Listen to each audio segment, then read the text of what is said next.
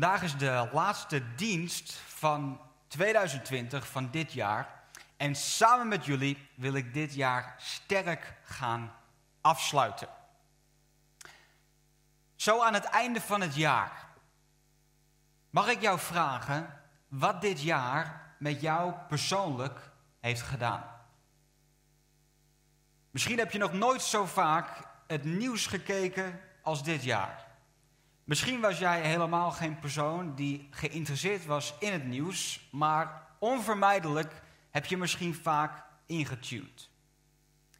Wat, wat heeft dit jaar in jou teweeggebracht? Wat heeft het gedaan met jouw dromen? Met jouw visie? Met jouw vreugde? Met jouw toekomstverwachting? Heeft het je misschien moedeloos gemaakt? Of wat teleurstellend of uitzichtloos. Dat zou zomaar kunnen.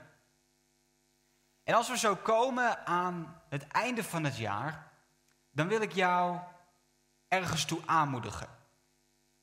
En dat is om de komende paar dagen echt de tijd te nemen voor jou persoonlijk om je gedachten wat op een rijtje te zetten. Want het kan zomaar zijn dat de dingen die er gebeurd zijn in 2020, dat dat wat in jou teweeg hebt gebracht, wat je eigenlijk niet mee wil nemen in het nieuwe jaar. En daarom neem wat tijd om te evalueren. Om eens na te denken, wat is er allemaal gebeurd? Om te reflecteren en om na te denken. Vaak rond deze periode ben ik in, uh, in Oostenrijk gaan daar vaak naartoe om uh, op wintersport te gaan. En iets wat ik daar elk jaar doe, is ik neem tijd naast het skiën om te wandelen, te bidden en na te denken. En om ook echt met God te bespreken, wat is er allemaal gebeurd dit jaar? Wat zijn de dingen die er op me af zijn gekomen? Wat zijn de onverwachte dingen die ik in januari niet aan zag komen? En er zitten zegeningen bij die ik niet had verwacht. Maar er zitten soms ook teleurstellingen bij en vervelende momenten die ik niet aan zag komen. En ik bespreek die dingen met de Heer. En ik kan me nog goed herinneren, toen ik een tiener was, 16, 17, ging ik vaak dus alleen op een wandeling in Oostenrijk. En mijn familie die dacht vaak dat er, iets, dat er iets, misschien iets mis was, of dat ik verdrietig was, of misschien wel depressief, omdat ik zo alleen op een wandeling ging. Maar ik ging helemaal niet alleen. Ik ging samen met God om die dingen met Hem te overleggen. En als we zo nog een aantal dagen hebben voor dit jaar, dan wil ik jou echt aanmoedigen om daar tijd voor te nemen. Net wat jou past. Ga op een wandeling of pak een notitieblokje of sluit je even op in de kamer en bespreek die dingen met de Heer. En stel jezelf de vraag: wat heeft dit jaar met mij gedaan? Ik hoorde eens een verhaal over een pasgetrouwd stel die samen waren in huis terwijl de vrouw een heerlijke maaltijd aan het bereiden was. En ze was zo'n heerlijke ham aan het maken. En de man die ging kijken hoe ze dat deed. En wat hij zag is dat deze vrouw aan het uiteinde best wel een groot stuk van deze ham had afgesneden. En ze vroeg waarom haar zijn vrouw dat deed. Ze zei, mijn moeder die maakte altijd de lekkerste ham. En zij deed hetzelfde. Zij snijde van die uiterste einde best een stuk van die ham af. Dus ik volg dat gewoon op. Deze man was toch wel benieuwd waarom dat zo deed. Dus hij, belde de moeder op en hij vroeg aan de moeder waarom dat zo was. Waarom snij je die uiteinden van die ham eraf? De moeder zei, nou, mijn moeder, daar heb ik het recept van gekregen. En die bereidde altijd de beste ham voor. Dus ik volg gewoon op wat zij deed. Uiteindelijk kwamen ze bij de oma. En deze jongen was toch wel benieuwd waarom dit zo was. Dus hij vroeg aan de oma: Waarom snijden jullie in de familie zo'n groot stuk van de uiteinde van die ham af? De oma, oma antwoordde: Oh, dat is simpel, jongen. Ik had geen grotere pan. Dus daarom deed ik dat. Zou het kunnen zijn dat er dingen zijn ingeslopen in jouw leven waarin je zelf niet echt een bepaalde uitleg of verklaring voor hebt, maar wat er niet per se in hoeft te zijn. Het zou zomaar kunnen dat er bepaalde denkbeelden, patronen en handelingen in je systeem zitten die er niet horen te zijn. En wellicht dat dit jaar, 2020, een bepaald label op je heeft geprint, wat je mee zou kunnen nemen in het nieuwe jaar. Nou, beste mensen, dat gaan we mooi niet doen. En we gaan vandaag de dingen die we niet mee willen nemen, de dingen die we achter moeten laten, ook echt achter ons laten, zodat we sterk het nieuwe jaar in kunnen gaan. In Filippenzen hoofdstuk 3, vers 13, daar staat het volgende. Ik vergeet wat achter mij ligt en ik strek mij uit naar hetgene wat voor mij ligt. En als we hierover na gaan denken, dan wil ik jou echt uitdagen om de limieten van God af te nemen. Om de dingen waarvan jij denkt dat het onmogelijk is of niet kan, om Hem te gaan vertrouwen en geloven dat het wel kan en dat het wel mogelijk is. En dat er in de komende kwartier, twintig minuten, als we het woord van God in gaan duiken, dat er een vernieuwing zal komen in je denken en dat je geloof versterkt zal worden in Jezus' naam. Ik heb drie punten voor jullie vanochtend. En het eerste punt is het volgende. Je moet in eerste instantie weten wat je achter moet laten in jouw leven. En daarvoor wil ik een tekstgedeelte met jullie gaan lezen vanuit Efeziërs hoofdstuk 4, vers 17 tot 24. Als je je Bijbels hebt, je mobiel, zoek het op. Efeziërs hoofdstuk 4, vers 17 tot 24.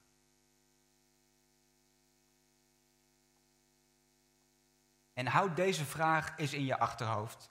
Wat zijn dingen die je achter moet laten in 2020? Er staat het volgende. Op gezag van de Heer zeg ik u dus met klem: ga niet langer de weg van de heidenen met hun loze denkbeelden.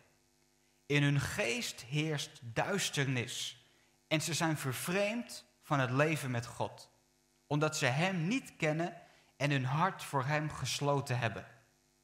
Afgestomd als ze zijn, geven ze zich over aan losbandigheid en storten ze zich in allerlei zedeloze praktijken. Tot zover even. Wat we hier zien in dit tekstgedeelte is dat het wordt geschreven aan christenen, aan volgers van Jezus. Maar al heel snel zien we dat het gaat over de levensstijl van mensen die niet in God geloven. Dus dit is geschreven aan volgers van Jezus die misschien in hun leven dat er dingen zijn ingeslopen wat eigenlijk niet hoort bij een volger van Jezus. Er staat, ga niet langer de weg van de heidenen. Ga niet langer de weg van de ongelovigen. In een andere vertaling staat er, want die mensen die bedenken zinloze dingen. Ze zijn verward en ze zijn verblind, doordat ze niets weten van een leven met God. En wat er zomaar kan gebeuren door onze omstandigheden en door het leven, door de dingen die er op ons afkomen, is dat er dingen insluipen wat eigenlijk helemaal niet bij jou hoort als een volger van Jezus. En voordat je het weet, kan je dingen bedenken of dingen doen die jou voorheen nooit zou doen. Omdat je al veranderd was door dat krachtige evangelie van Jezus Christus. En dan wil ik eigenlijk tegen jou zeggen: laat wat dood is, dood. De Bijbel zegt dat als je in Jezus gelooft, dan word je een nieuwe schepping. Alles wordt nieuw. En je oude mens, als het ware, is dood. Dat is er niet meer. Je verleden is geweest. Maar wat wij soms als christenen kunnen doen, is wij kunnen tot leven wekken wat voor God al lang voorbij is. En dingen uit je verleden kunnen naar boven komen, of kun je zelf naar boven halen, of er kan iets gebeuren wat dat weer kan triggeren in jouw leven. En tegen jou wil ik zeggen, laat wat geweest is voor wat het is. Laat 2020 en de vervelende dingen die er gebeurd zijn, laat het achter je. Neem het niet mee, draag het niet met je mee voor dit nieuwe jaar. En dan lezen we verder in vers 20. En dan staat er, maar zo hebt u Christus niet leren kennen. U hebt toch over hem gehoord? U hebt toch onderricht over hem gekregen? En door Jezus wordt duidelijk dat u uw vroegere levenswandel moet opgeven. En de oude mens, die ten gronde gaat aan bedriegelijke begeerten, moet afleggen. Dat is een groot keerpunt. Als er een maar staat in de Bijbel, dan moet je dat omcirkelen en afvragen waarom dat er staat. Er staat hier namelijk, maar zo hebt u Christus niet leren kennen. In een andere vertaling staat, maar gij geheel anders. U hebt Christus leren kennen. Wat betekent dat? Nou, heel simpel. Jullie moeten anders gaan leven omdat je Jezus nou hebt leren kennen. En er staat, je hebt toch over hem gehoord? En je hebt toch onderwijs over hem gekregen? Je weet toch wie Jezus is? En je weet toch hoe hij jouw leven kan transformeren? Misschien moet jij bepaalde dingen opgeven in je leven. Misschien moet jij dingen achter jou laten. Het staat er. Misschien moet je dingen opgeven of moet je dingen af gaan leggen. Ja, maar Brian, ik volg Jezus toch? En als ik hem aanneem, dan ben ik toch een heel nieuw mens en heel anders. Dat klopt. Maar het is ook een proces die jij moet gaan om steeds meer op Jezus te gaan lijken.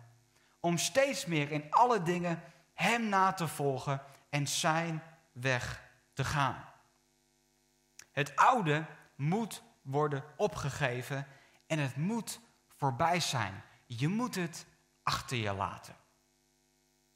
We gaan in het nieuwe jaar, in februari, gaan wij een doopweekend organiseren hier in Shalom. En ik weet nog heel goed dat ik zelf gedoopt werd. Ik was 15 jaar en ik leefde ontzettend toe naar dat moment. Want dat was wel het grote moment van mijn geloofsleven. Dat mijn oude leven echt in het graf zou blijven en ik weer nieuw, fris op zou staan. En ik weet nog heel goed, na dat moment van dopen, dat ik ook ontzettend op mijn tenen liep. Want ik moest mijn leven nu toch echt wel perfect gaan leven. Want ja, ik was nu gedoopt en het nieuwe leven was nu echt begonnen. Maar ik ben niet perfect en ik ben niet volmaakt. En ik weet nog goed dat ik de val inging en God ongehoorzaam was. En dat ik me daar zo slecht over voelde en dacht, ja, ik ben nu gedoopt. Ik ben kopie ondergegaan voor de getuigenis van de hele gemeente. Ah, en nu maak ik een fout. En nu ga ik er tegenin. Dat voelde echt alsof ik het verknald had.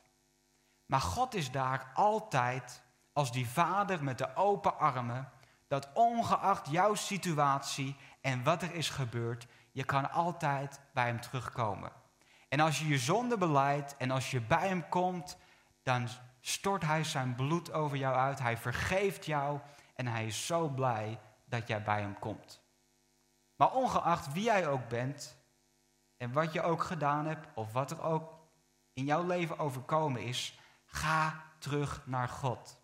Hij is één gebed bij jou verwijderd. Hij is één open hart en één nederige houding bij jou vandaan. En zeg, Heer, kom, kom in mijn leven. En ik wil die dingen achter me laten wat gebeurd is. Ik wil fris deze nieuwe dag beginnen. Maar goed, een doopweekend. We gaan dus 12 eh, en 14 eh, februari gaan wij een doopweekend organiseren. Vrijdag voor de tieners en zondag voor de volwassenen hier in Shalom. Misschien als jij daar nu zit en daarover nadenkt, denk je misschien, ja, dat wil ik doen. Dat wil ik doen. Een nieuwe, verse start maken voor Hem. Als je nog nooit gedoopt bent, denk daarover na. Om die kans en om die mogelijkheid te grijpen. Jij geheel anders. Jij hebt Christus leren kennen.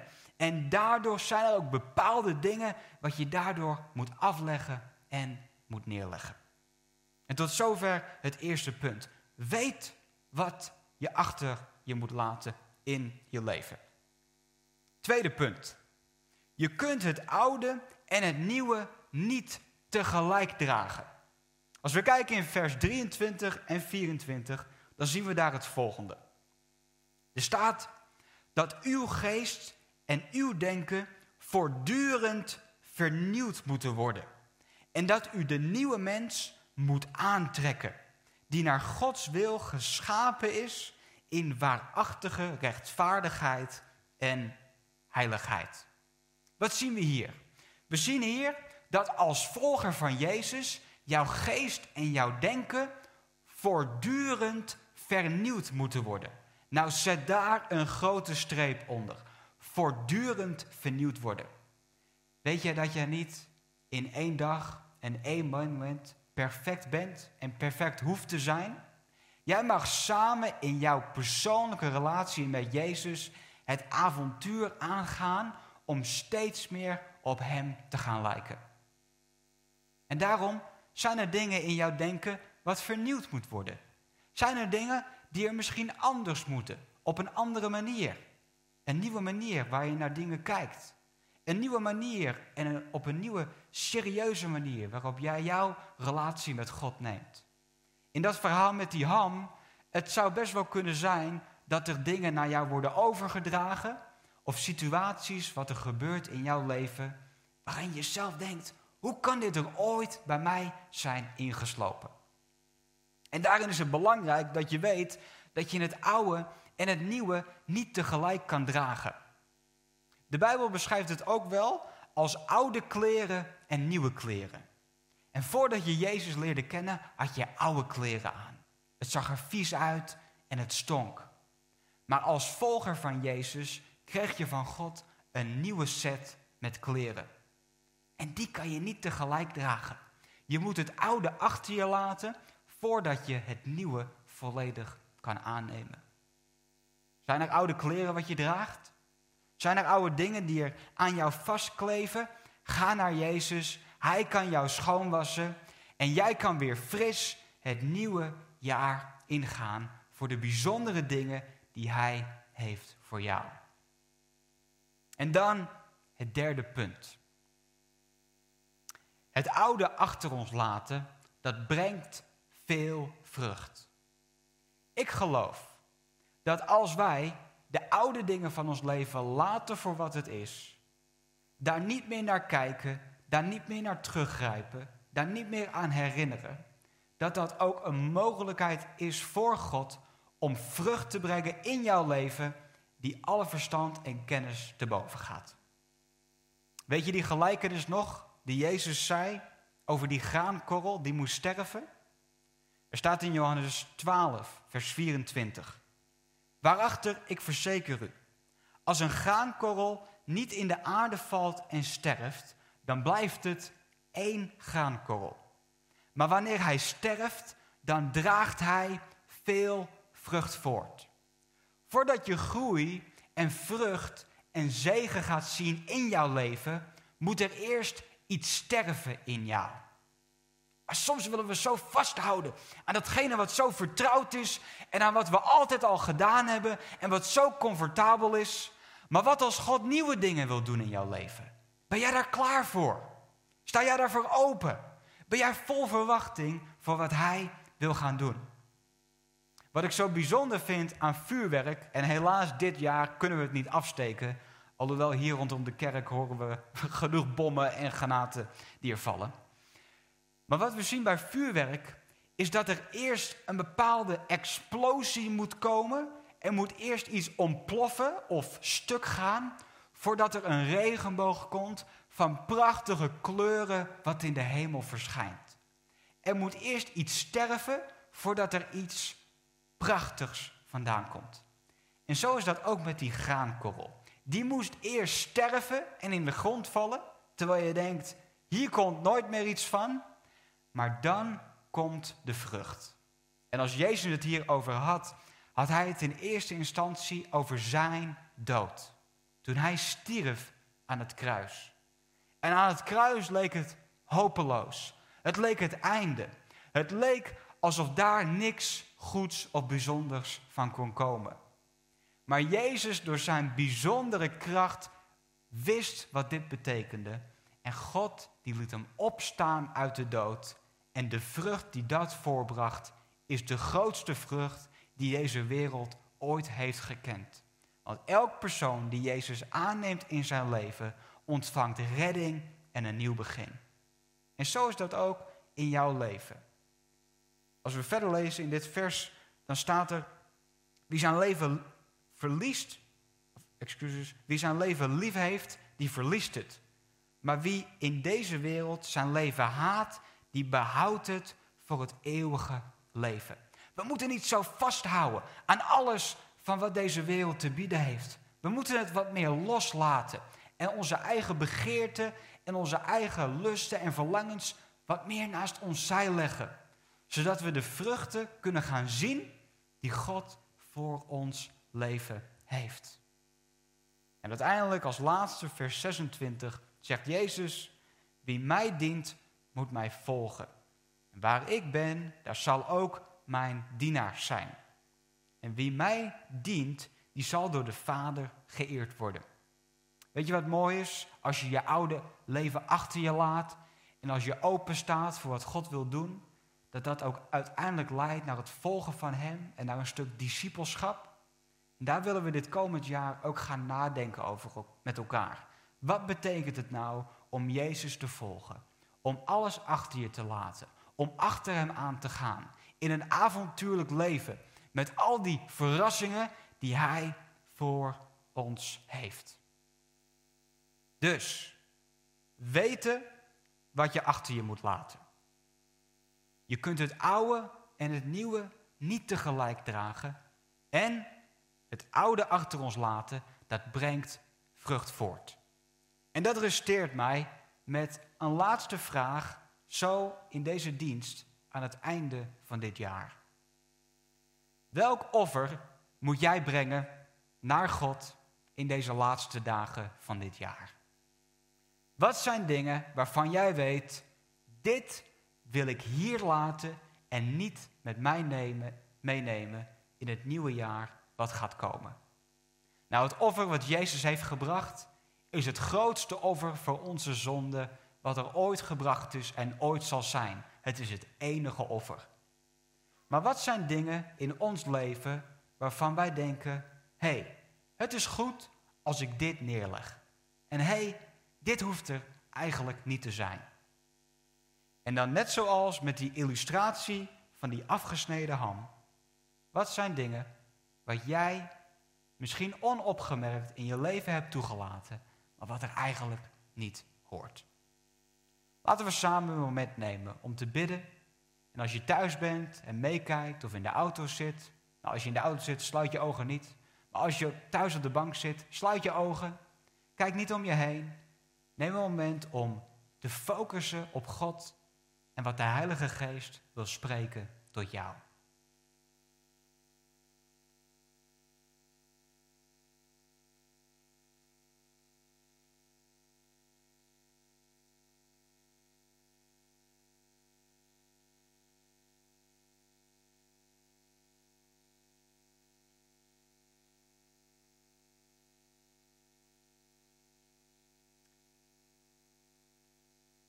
We willen heel graag dat het nieuwe jaar, dat we daar sterk in zullen gaan. Maar er is maar één manier dat het kan. En dat is als wij het oude achter ons laten, zodat we het nieuwe kunnen ontvangen wat u voor ons heeft. En het zou heel goed kunnen zijn dat dit jaar voor heel veel mensen ja, echt wel daar heb ingehakt. Ik proclameer in Jezus' naam op dit moment door de kracht van de Heilige Geest dat die lasten en die ziekte en die zonde van de mensen af zullen vallen in Jezus' naam. Ik bid, Heilige Geest, dat u krachtig in alle huizen op dit moment van de mensen die kijken beweegt. En als er dingen zijn, Heilige Geest, die u spreekt op dit moment en dat u voor ons haalt, dan bid ik ook dat wij een nederige houding zullen hebben en daarover na zullen denken en dat voor uw troon zullen brengen. Dank u wel, Heer, dat u ons niet veroordeelt, maar dat u gekomen bent om ons te redden. En dat we in alle dingen voor uw troon kunnen komen. Dank u wel dat er geen schaamte is bij u, bij u en dat u ons volledig heeft vrijgekocht. Heer, we prijzen uw naam. We zijn u dankbaar voor wie u bent En we willen dit nieuwe jaar ingaan vrij voor de dingen die u wilt gaan doen. We zien uit naar de vrucht en we maken onze akkers van ons hart gereed voor de vrucht die gaat komen. In Jezus' naam. Amen. Amen.